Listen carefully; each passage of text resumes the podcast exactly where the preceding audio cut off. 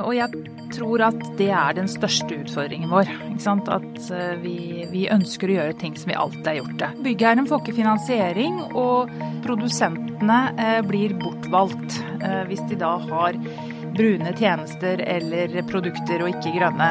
Morgendagens by, presentert av byutviklingskonferansen Evolv Arena. Velkommen Katarina Bramslev, du er daglig leder i Grønn byggallianse. Det stemmer. Hva driver dere med? Vi er en non-profit medlemsorganisasjon for hele verdikjeden innenfor eh, bygg eiendom.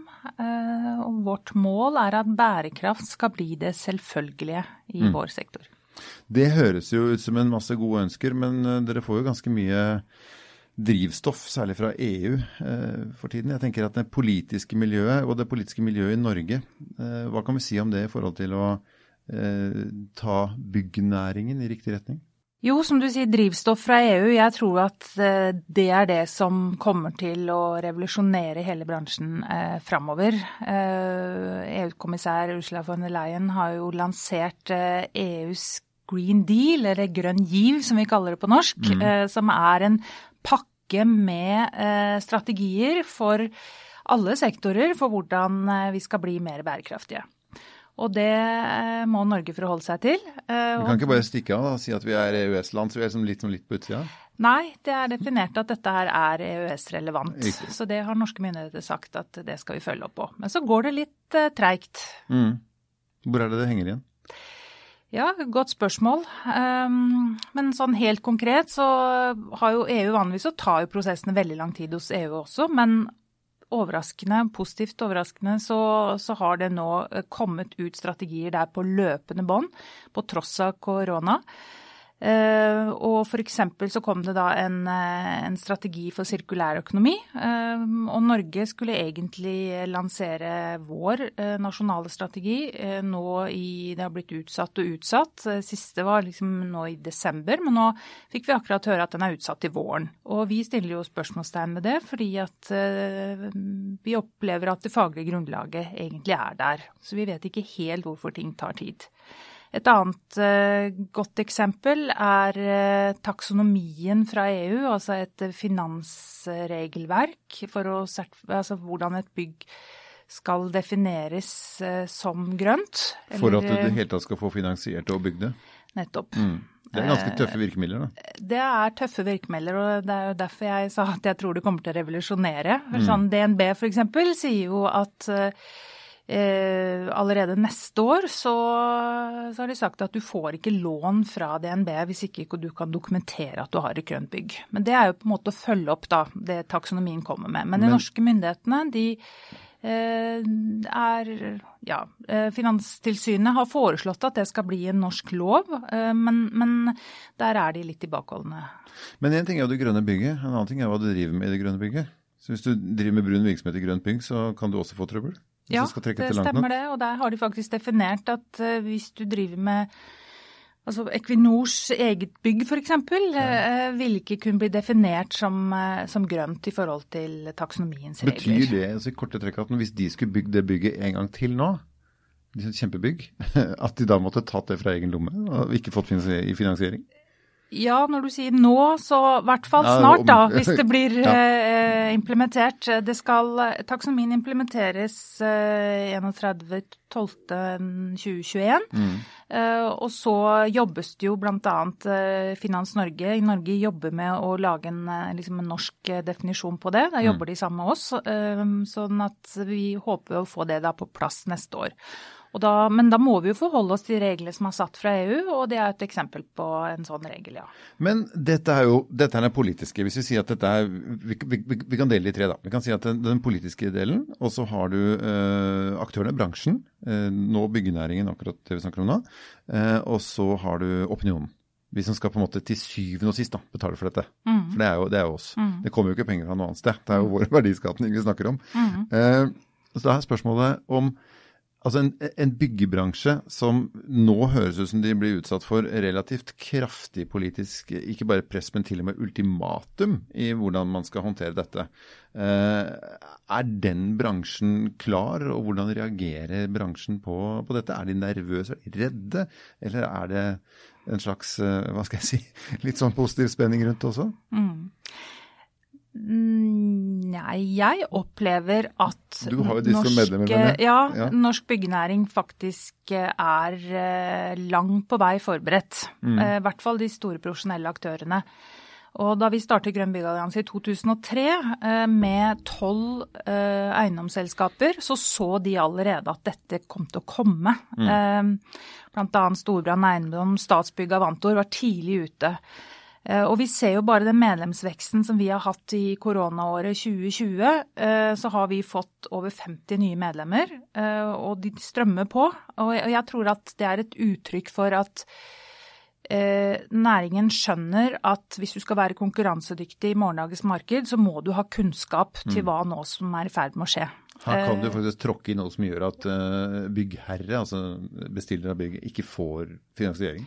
Ja, byggherren får ikke finansiering, og entreprenøren, rådgiveren, arkitekten får ikke oppdrag fra byggherren. ikke mm. sant? Og produsentene eh, blir bortvalgt eh, hvis de da har brune tjenester eller produkter og ikke grønne. Mm. Eh, og det ser bransjen, og de er klare til å omstille seg. Samtidig så opplever jeg at de handler ikke bare av frykt, de handler fordi de eh, ønsker å være en del av eh, noe positivt. Det ser vi på medlemsundersøkelser vi har gjort hvor de da faktisk setter det like høyt. Jo, de må for å, å være konkurransedyktige, men de føler også at uh, dette her er noe de vil, og de ønsker å være stolt av den jobben de gjør. Ikke minst så begynner jo barn og barnebarn å spørre de, ikke sant? Ja, ikke sant. Ja. Den yngre generasjonen er opptatt av dette. Mm. Eh, og de kan jo være også en god markør for hvor vi skal.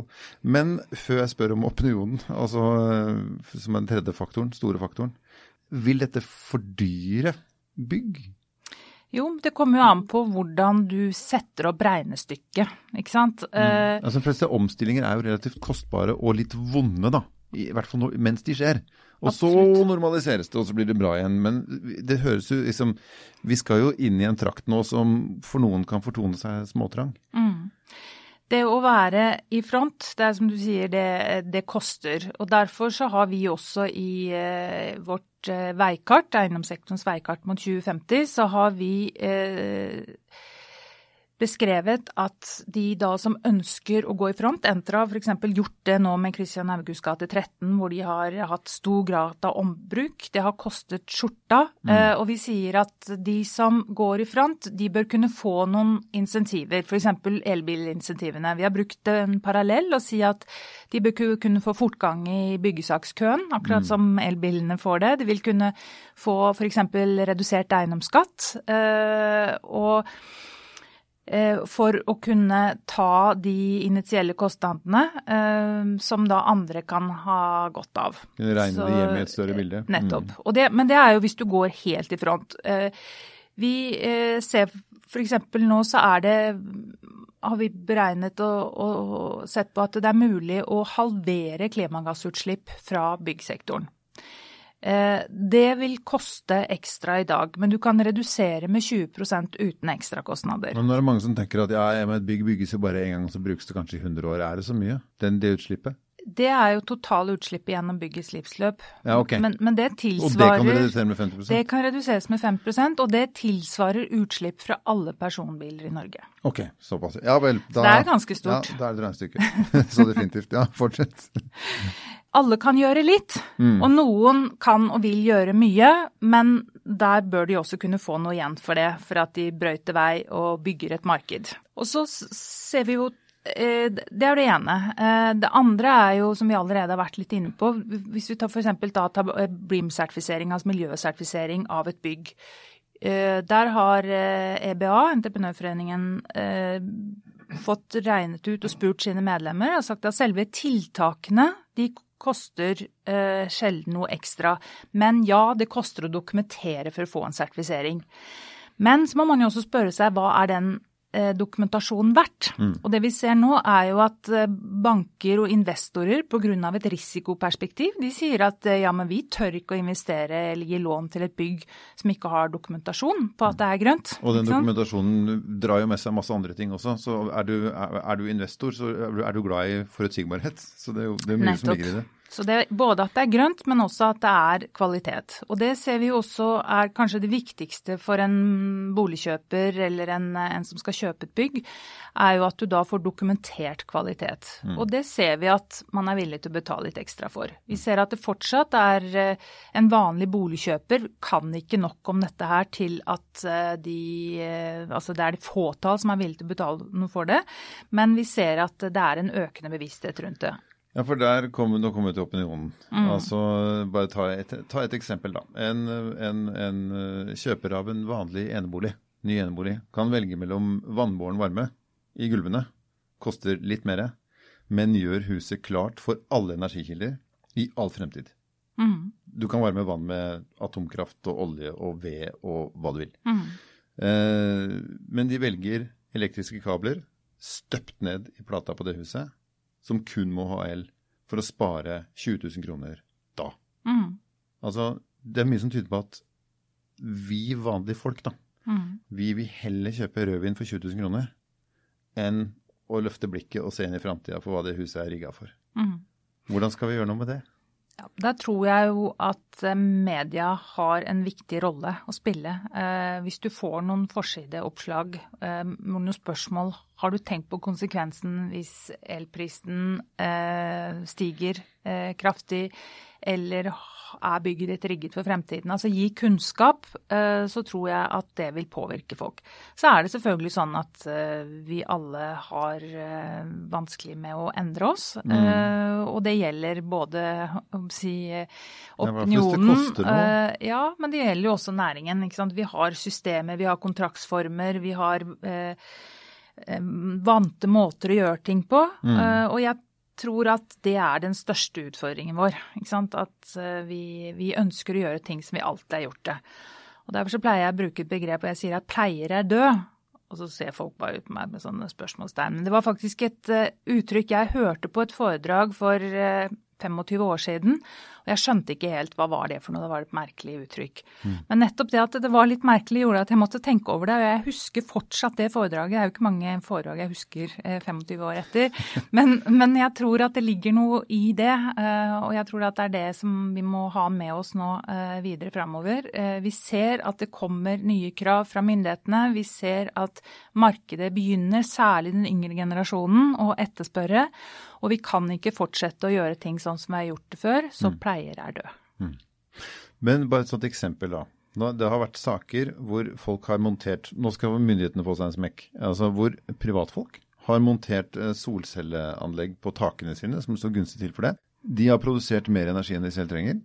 Ønsker å selge det til naboen. Mm. Får ikke lov. Fordi der har noen lobbyister vært inne og sagt at for å få lov å gå inn i det markedet her, så må du være registrert som kraftverk. Mm eller kraftprodusent. Så med andre ord, de, det er en vare mm. som naboen kan bruke, som er produsert av sol i det området, totalt utslippsfritt, som ikke tillates omsatt. Mm. Vi må jo ha noen altså, det, det, kan tenkes at det er noen politikere som kan liksom på en måte ta to runder på kontoret og gjøre et par ting òg. Mm. Ja, og der er det også mange av medlemmene våre som reagerer på det. Jeg vet at Powerhouse Brattørkai f.eks., som er et fantastisk flott prosjekt, som har gjort veldig mye, møter akkurat på den barrieren der. Ja, for ikke sant, Du kan si det om ett hus, men hvis du tar et boligprosjekt som skal bygge, skal bygge 500 eneboliger, mm. så begynner det å ha noe å si. ikke sant? Absolutt. Men jeg tror det er selvfølgelig i den overgangsfasen som vi er i nå, så er det mange ting som ikke er helt på plass. Og det er en del eh, regler, forutsetninger osv. Som, eh, som vi må endre på. Jeg har jo en sterk tro på at eh, det vil bli endret. Og Grønn byggallianse jobber jo hver dag for å tilrettelegge rammebetingelsene sånn at det skal, både skal være kostnadseffektivt og enkelt å eh, være bærekraftig. Helt til slutt, norske myndigheter jeg vet du syns at de henger litt etter. Drar beina litt etter seg i dette her. Er det EU som i ditt hode kommer til å, å si, sparke de på plass? Ja, jeg tror det. Du har lyttet til podkasten Morgendagens by. For mer informasjon, sjekk evolvarena.com.